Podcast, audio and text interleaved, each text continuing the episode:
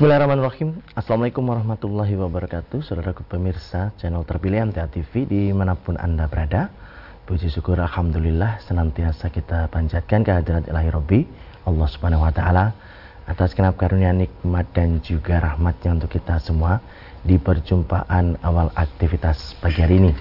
Kita jumpa kembali di program unggulan Fajar Hidayah Dan Alhamdulillah sudah hadir Ustadz Sunarno yang nanti akan melanjutkan pelajaran sekaligus memberikan pencerahan untuk kita semua di kesempatan kali ini.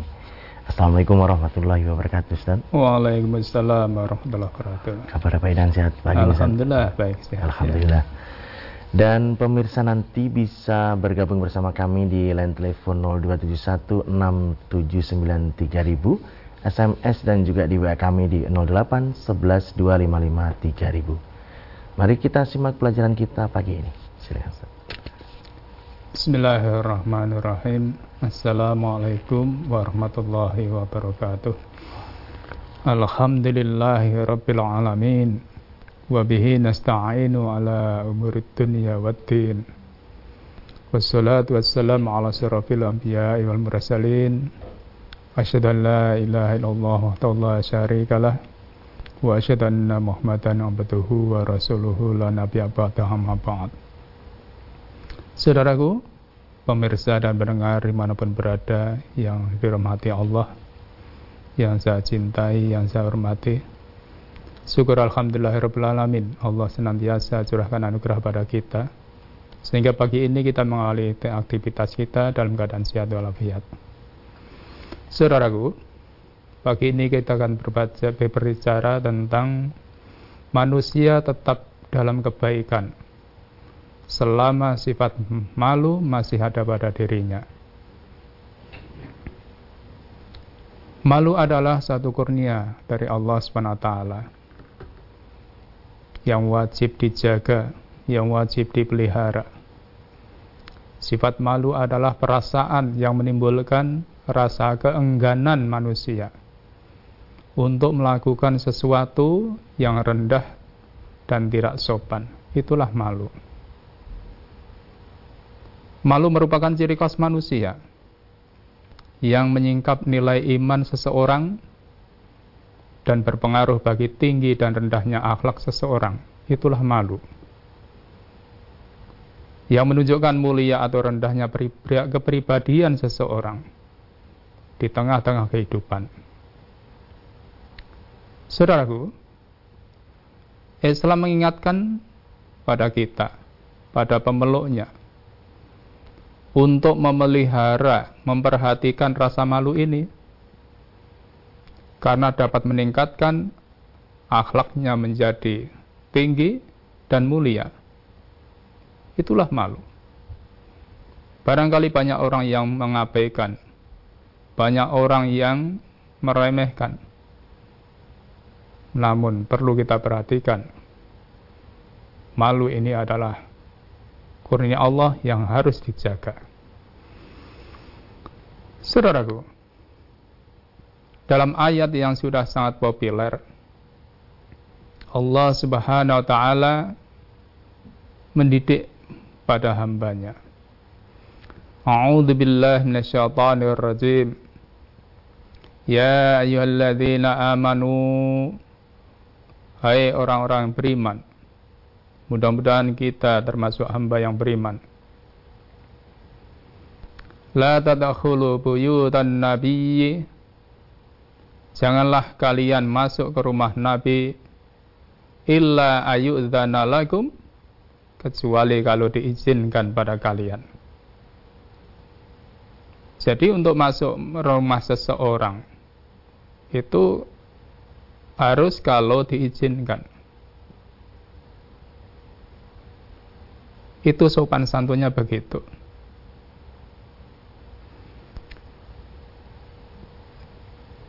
Walakin idza du'aitum fadkhulu.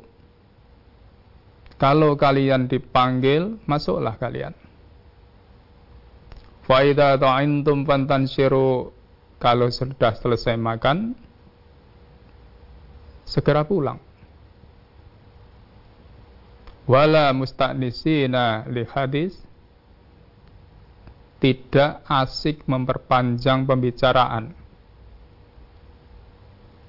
Inna dzalikum kana yu'dhin nabiyyi nabiyya karena yang begitu itu mengganggu pada nabi. Mengganggu. Fayastahyi minkum karena malu pada kalian untuk menyuruh kalian keluar. Segera pulang. Kan biasanya begitu. Tuan rumah itu enggak akan mau menyuruh tamunya segera pulang itu nggak akan mau. Wallahu la yastahyi minal haq. Allah tidak malu untuk menerangkan yang benar. Saudaraku, ayat ini mendidik kita dalam bertamu, bertandang ke tempat saudara, teman, maka kita supaya segera pulang kalau sudah selesai urusannya. Segera pulang kalau sudah selesai urusannya. Tanpa memperpanjang percakapan. Karena akan mengganggu tuan rumah. Akan mengganggu tuan rumah. Maka Nabi kita Muhammad sallallahu alaihi wasallam dalam hadis Bukhari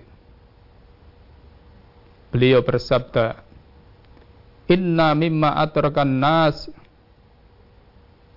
Sungguhnya di antara apa yang didapati manusia, orang-orang. Min kalamin nubuwatil ula. Dari para nabi zaman dulu. Idza lam tastahi fasna masyita. Kalau manusia itu sudah tidak bisa, tidak punya rasa malu, ya berbuatlah sesukamu. Maksudnya apa? Yang membedakan antara manusia dan binatang itu kan sifat malunya. Kalau binatang itu berbuat apa pun, nggak ada rasa malu. Maka manusia berbeda dengan binatang. Maka kita dididik supaya menjaga sifat malu ini. Dalam hati selain juga dididikkan pada kita. Ani bani Umar radhiyallahu anhu qala Qala Rasulullah sallallahu alaihi wasallam Al haya'u wal imanu qurana'u jami'an Malu dan iman itu adalah selalu bersama. Berarti kalau kita iman, di situ pasti ada malu. Namun kalau kita sudah tidak ada rasa malu, berarti iman itu sudah hilang. Maka kita perlu hati-hati. Fa'idha rufi'ahduhuma rufi'al akhar. Kalau malunya hilang, imannya hilang. Kalau imannya hilang, mesti malunya hilang. Hadis hakim atau berani. Saudaraku, kemudian kita juga dididik. An Zaid bin Talha Ibnu Rukanah yarfa'uhu Qala Rasulullah sallallahu alaihi wasallam ini li kulitinin khuluqan. Setiap agama itu ada akhlaknya. Wa khuluqul islami al haya'u dan akhlak Islam itu yang menonjol adalah sifat malu. Malu kepada Allah yaitu kita menghindarkan diri dari perbuatan-perbuatan maksiat. Walaupun tidak ada orang yang mengetahui, namun Allah pasti tahu. Allah pasti tahu. Kita tidak bisa menutup dari pengawasan Allah.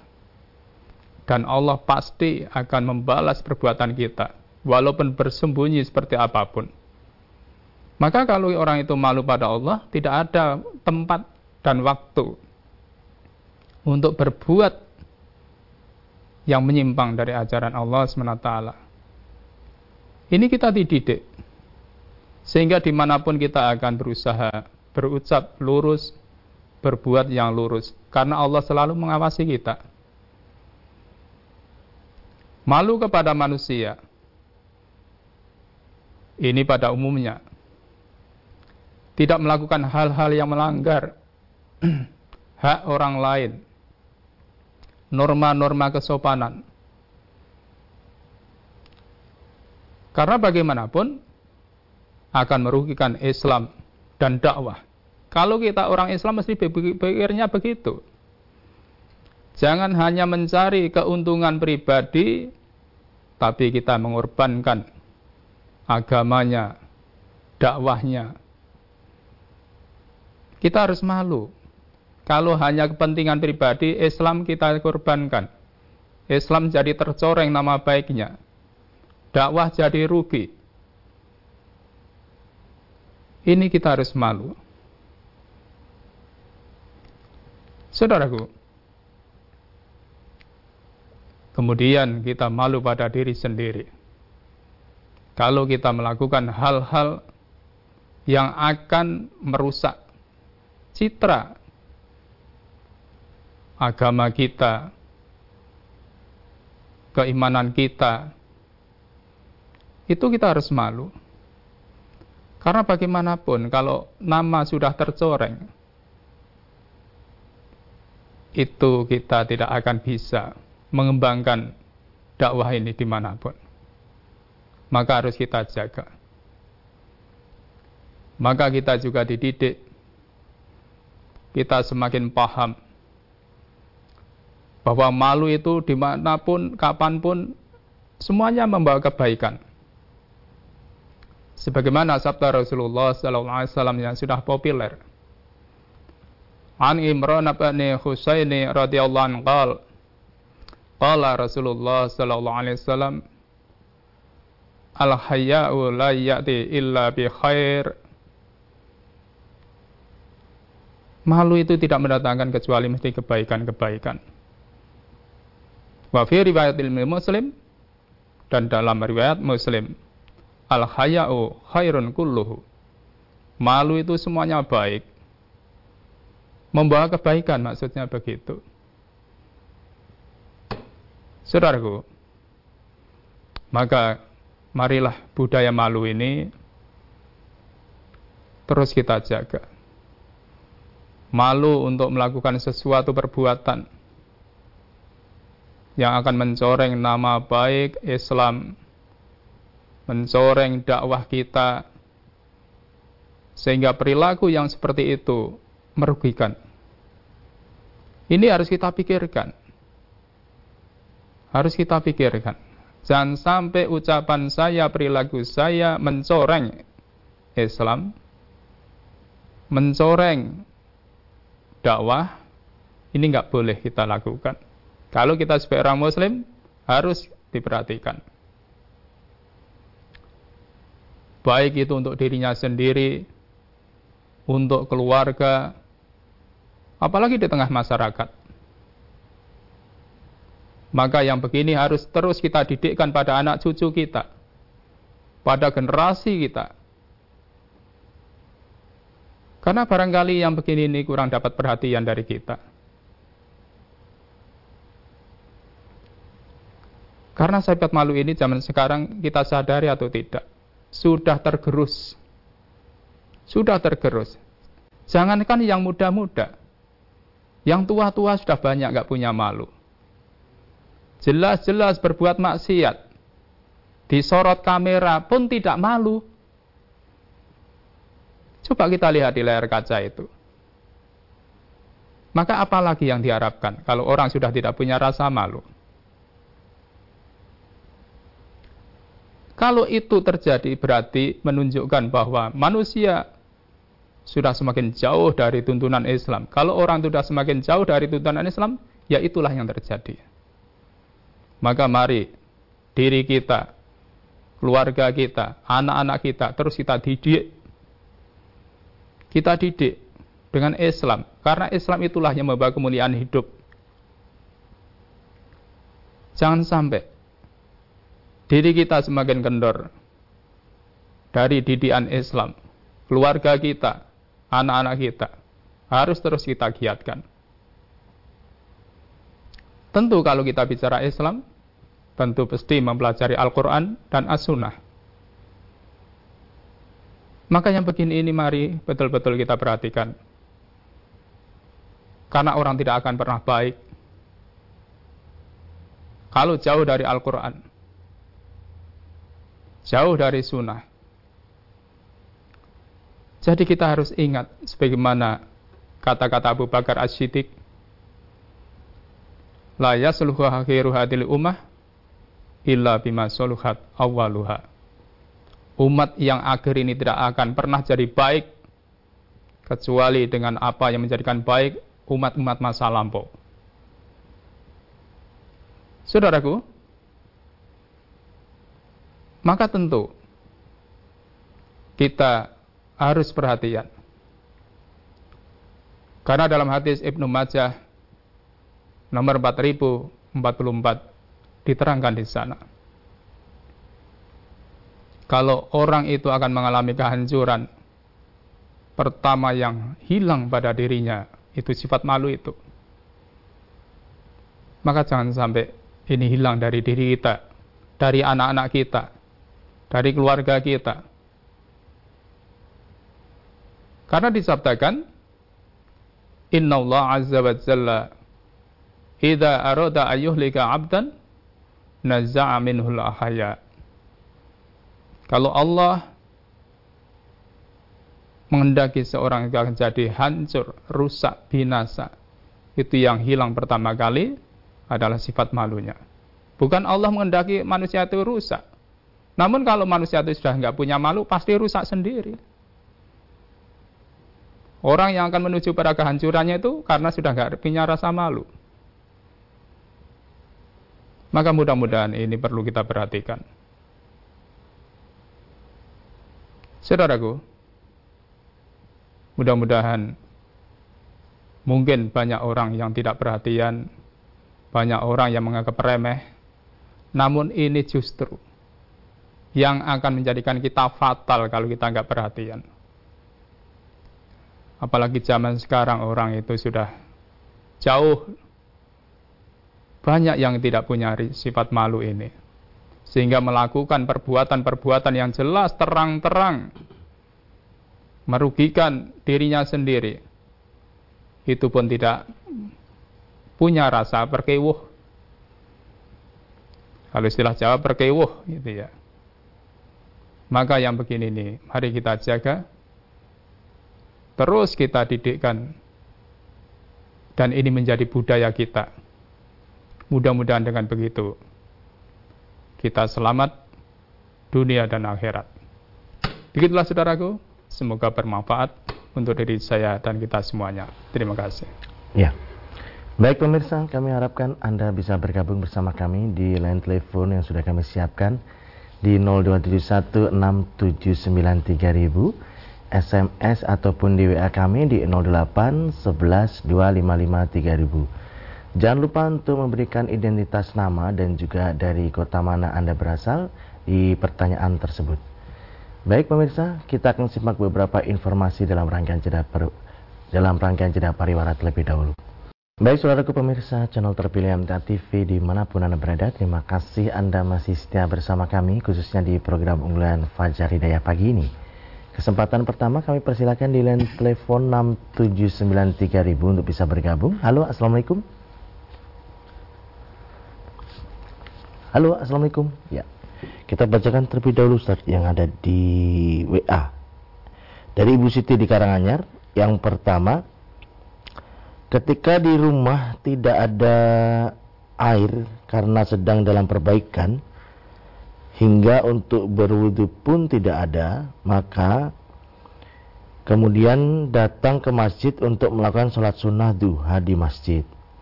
Pertanyaannya, ketika masuk masjid, sholat apa yang harus dikerjakan Ustaz? Sholat tahiyatul masjid terlebih dahulu kemudian baru sholat duha ataukah langsung sholat duha? Yang kedua, apakah ada larangannya pergi ke masjid mengerjakan sholat-sholat sunnah selain sholat wajib Ustaz?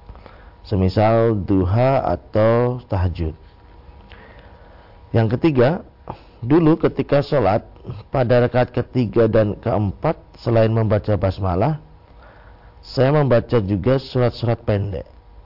Mohon pencerahannya untuk rakaat ketiga dan keempat yang sesuai tuntunan itu membaca surat ataukah tidak? Ketika lupa membaca surat untuk rakaat ketiga dan keempat, yang demikian sholatnya sah atau tidak Ustaz? Mohon pencerahannya. Iya.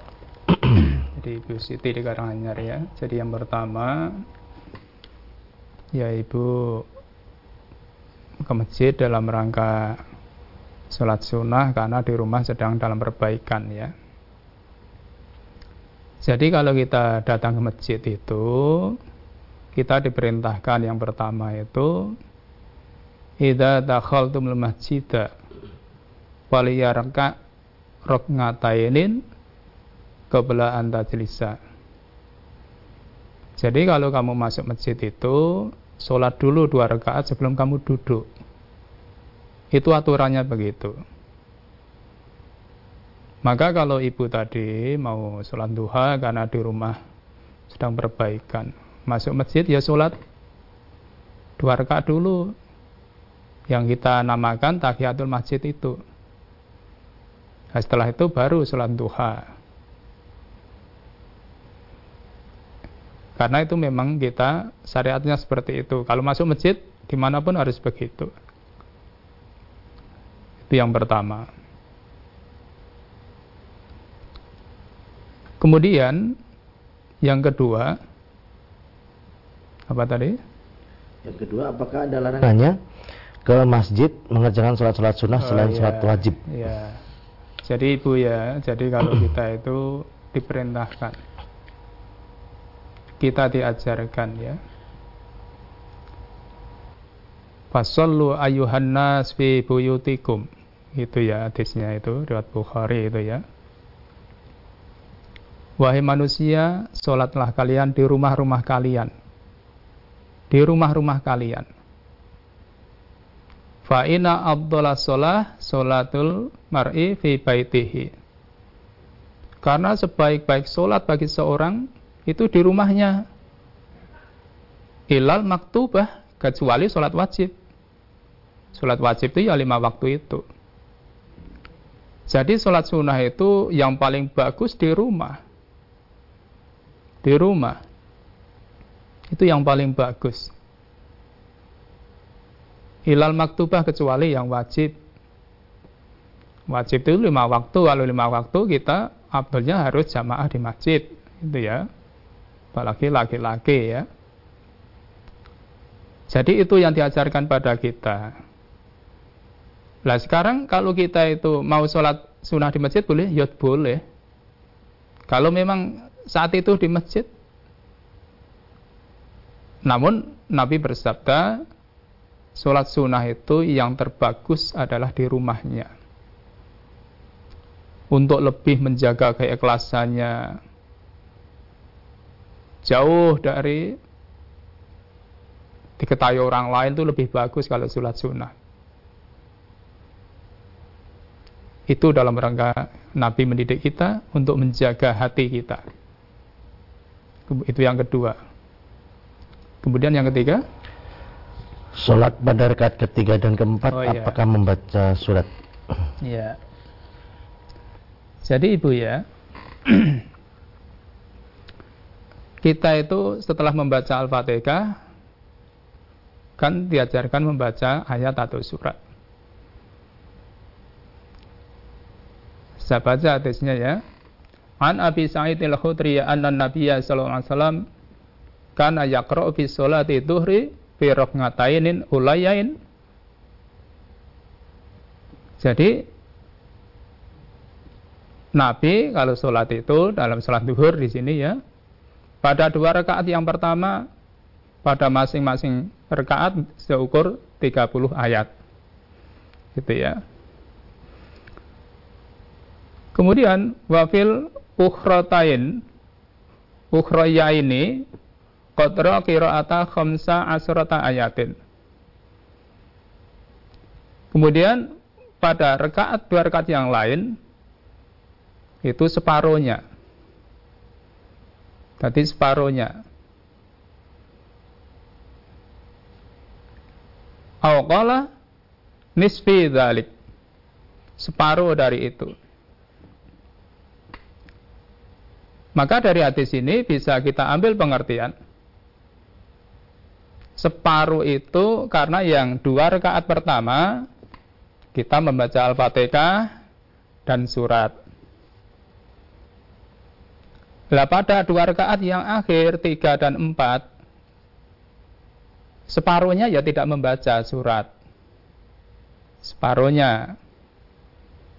Jadi kalau rakaat pertama, kedua kita membaca Al-Fatihah dan surat atau ayat. Kemudian dua rakaat yang akhir separuh karena pendek lebih pendek, yaitu Al-Fatihah saja, suratnya tidak membaca. Itu kebiasaannya begitu ya. Wa fil asri fi ulayain fi kulli rak'atin qadra qira'ata khamsah asrata ayah. Wa fil ukhrayain qadra nisfi dzalik separuh. Hadis sirat Muslim Ahmad dan Muslim. Maka dari sini kita ambil pengertian. Jadi kita kalau dalam sholat yang tiga rakaat atau empat rakaat, rakaat pertama, kedua kita membaca al-fatihah dan surat. Rakaat ketiga dan empat Al-Fatihah saja itu separuhnya begitu. Dan itu ulama semuanya sepakat. Nah sekarang kalau kita mungkin membaca pada rekaat ketiga dan keempat itu satu ayat atau surat boleh tidak? Ya boleh. Boleh. Kalau ingin membaca, boleh. Namun, yang biasa dilakukan rekat pertama dan kedua itu membaca surat dan apa itu Al-Fatihah dan surat. Ketiga dan keempat kita membaca Al-Fatihah saja. Begitu Ibu, semoga bisa dipahami. Ya. Kita sambung kembali di line telepon 6793000. Halo, Assalamualaikum. Halo, Assalamualaikum. Halo, Assalamualaikum. Waalaikumsalam Ya, agak keras sedikit Bapak. Dengan siapa di mana? Pak Sino di Pekanbaru. Pak Sino di Pekanbaru. Silakan. Ini Ustaz, mau nanya soal syariat hakikat itu apa Pak Ustaz? Mohon penjelasannya. Bisa diulangi Bapak? Syariat dan hakikat. Syariat dan hakikat ya? Iya. Demikian? Iya. Itu aja Pak ya. Baik, ya. warahmatullahi wabarakatuh. Waalaikumsalam warahmatullahi wabarakatuh. Jadi Pak Seno ya di Pekanbaru ya. Jadi kita tanya tentang syariat ya. Jadi syariat itu kan aturan syarak ya syariat itu aturan. Yang harus dilakukan kita kaum muslimin syariat. Entah itu sholat entah itu puasa atau ibadah yang lain. Itu syariat-syariat Islam. Jadi syariat itu kita melaksanakan satu perbuatan yang hubungannya dengan perintah agama ibadah harus sesuai dengan petunjuknya. Harus sesuai dengan petunjuknya. Tidak boleh kita bikin cara sendiri itu nggak boleh. Itu kalau ibadah. Nah, sekarang kalau kita bicara tentang hakikat. Hakikat itu kan tujuan yang sebenarnya. Umpamanya kita sholat, syariatnya kita kita penuhi. Dari toharohnya, dari berwudu dan janabatnya, kemudian syarat rukunnya sholat itu kita penuhi, kita kerjakan bacaannya, gerak-geriknya, Nah, hakikatnya sholat itu apa? Hakikatnya sholat itu akimus sholat lidikri. Karena sholat itu dalam rangka untuk mengingat Allah SWT. Maka kalau kita itu sholat kok tidak ingat pada Allah, syariatnya kita penuhi, tapi nggak ada hakikatnya itu. Karena hakikatnya ibadah itu apa pun. Itu dalam rangka untuk ingat pada Allah. Pendekatan diri kita pada Allah SWT. Maka kita, apa pun itu yang kita lakukan, syariatnya harus dipenuhi, hakikatnya harus diperhatikan. Saya begini ini tujuan pokoknya apa itu? Tidak hanya gerak-gerik fisiknya. Tidak hanya gerak-gerik fisiknya. Apalagi kita bulan-bulan begini kita akan menjalankan ibadah korban. Korban itu bukan masalah daging dan darahnya yang akan sampai pada Allah. Tapi akan sampai pada Allah ada takwa. Nah takwa ini hakikatnya.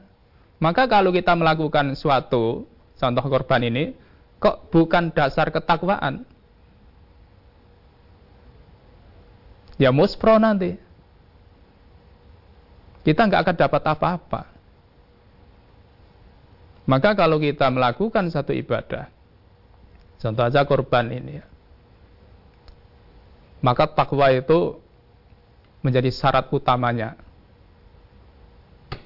tidak hanya dari besarnya sapi, gemunya sapi, dan sebagainya. Namun takwa ini harus menjadi tujuan utamanya. Maka harus kita perhatikan betul-betul. Karena kalau kita contoh saja korban tanpa ada ketakwaan, muspro korban kita.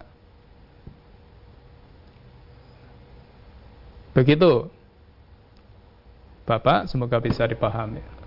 Ya. Kita berada di SMS, Ustaz. Dari kali ini dari Bapak Sari B di Sulawesi Selatan.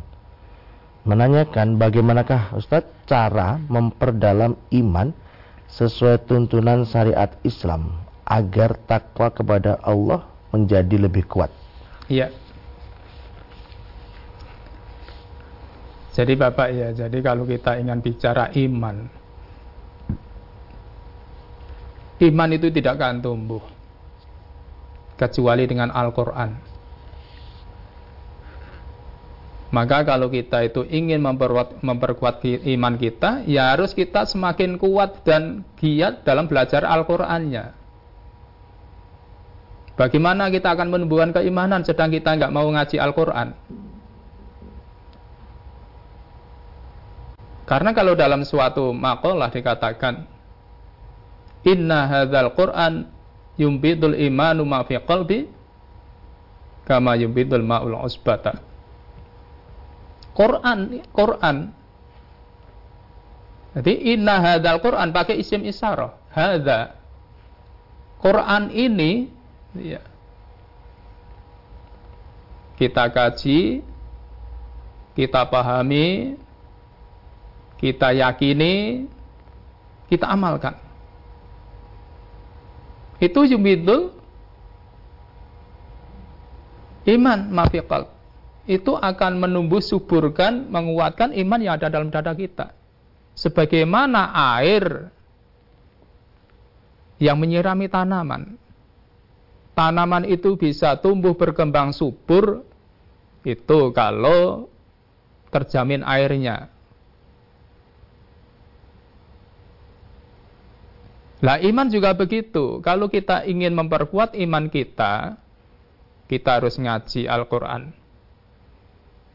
belajar ngaji Al-Quran, ngaji sunnah. Karena bagaimanapun, iman kan wala bitamanni, wala bitahalli. Iman itu bukan angan-angan, pengakuan, dan bukan hiasan.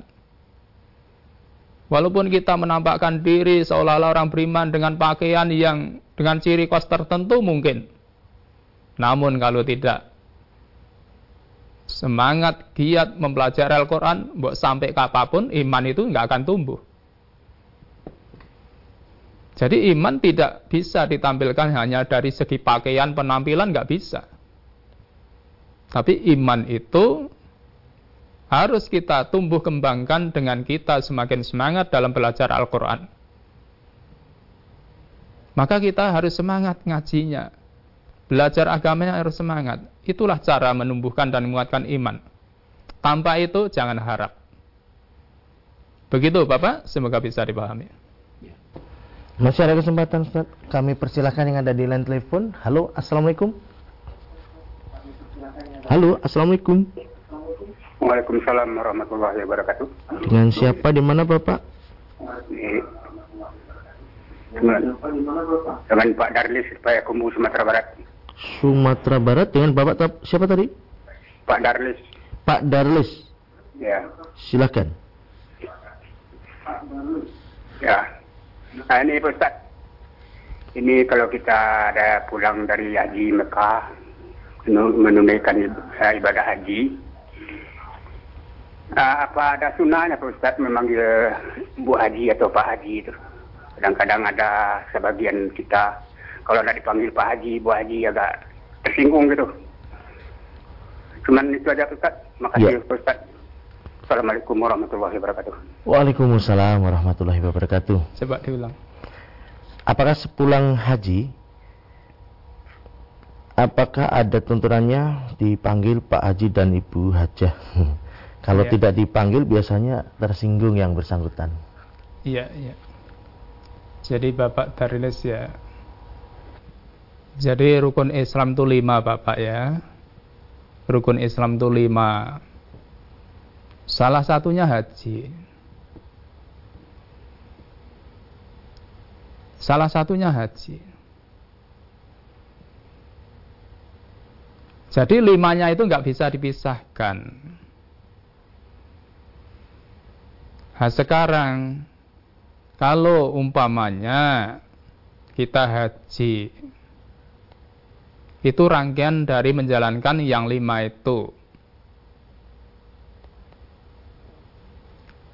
Kalau kita tidak disebut maaf Pak Haji, Bu Haji, kok tersinggung? Lah kita haji itu tujuannya apa? Padahal haji itu dalam rangka untuk memenuhi panggilan Allah.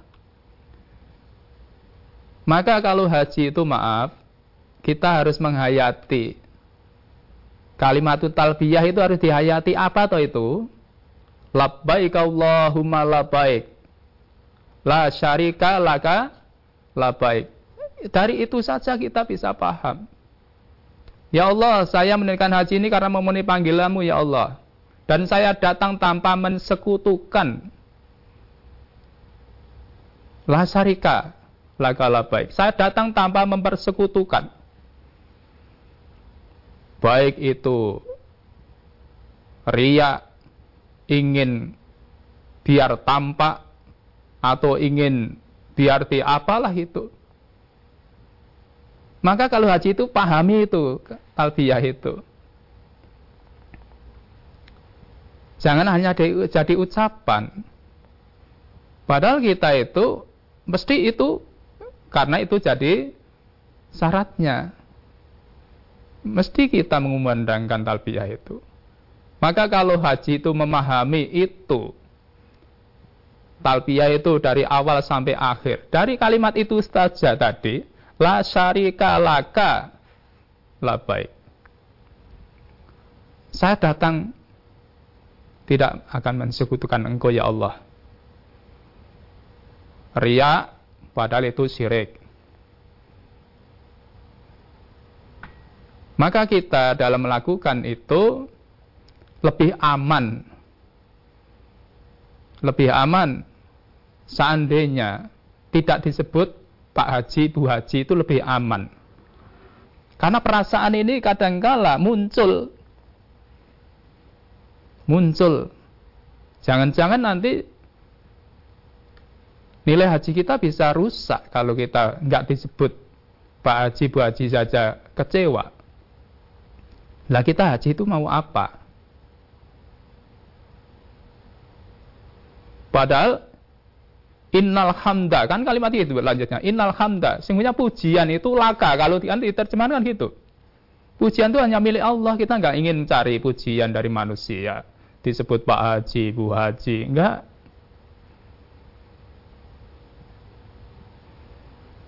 Pujian itu hanya Allah yang berhak dipuji. Kita nggak pantas untuk dipuji. Maka kita dalam melakukan apa pun, jangan ingin dipuji manusia. Wa nikmat talaga, saya bisa begini ini karena nikmat dari engkau ya Allah. Nikmat sehat, bisa membayar haji sampai selesai lunas rezekinya diberikan cukup oleh Allah dan nikmat-nikmat yang lain. Sehingga di mana letak kekuatan kita di mana? Wong semuanya itu dari Allah. Harta dari Allah, nikmat yang lain dari Allah dan kita datang memenuhi itu jangan sampai mensekutukan Allah. Apalagi muluk. Semua kekuasaan kan di tangan Allah. Maka kalau kita haji, maaf ya, hayati betul itu. Kalimatul talbiyah itu dihayati. Nah, jangan hanya diucapkan, dipahami maknanya. Kalau ingin Mudah-mudahan haji-haji saudara kita mabrur kalau bisa memahami itu. Kalau tidak bisa memahami itu, maaf, jangan sama nanti hadinya tidak mabrur. Begitu Bapak, semoga bisa dipahami. Ya, baik Ustadz, kami sampaikan terima kasih atas tausiah dan pelajarannya di kesempatan pagi ini. Assalamualaikum warahmatullahi wabarakatuh. Waalaikumsalam warahmatullahi wabarakatuh. Baik pemirsa, demikian tadi telah kita simak dan ikuti bersama program unggulan Fajar Hidayah pagi ini. Kita jumpa kembali di kesempatan mendatang dan saya Tamai Al-Fatani pamit undur. Alhamdulillah alamin subhanakallahumma wa bihamdika asyhadu alla ilaha illa anta astaghfiruka wa atubu Assalamualaikum warahmatullahi wabarakatuh.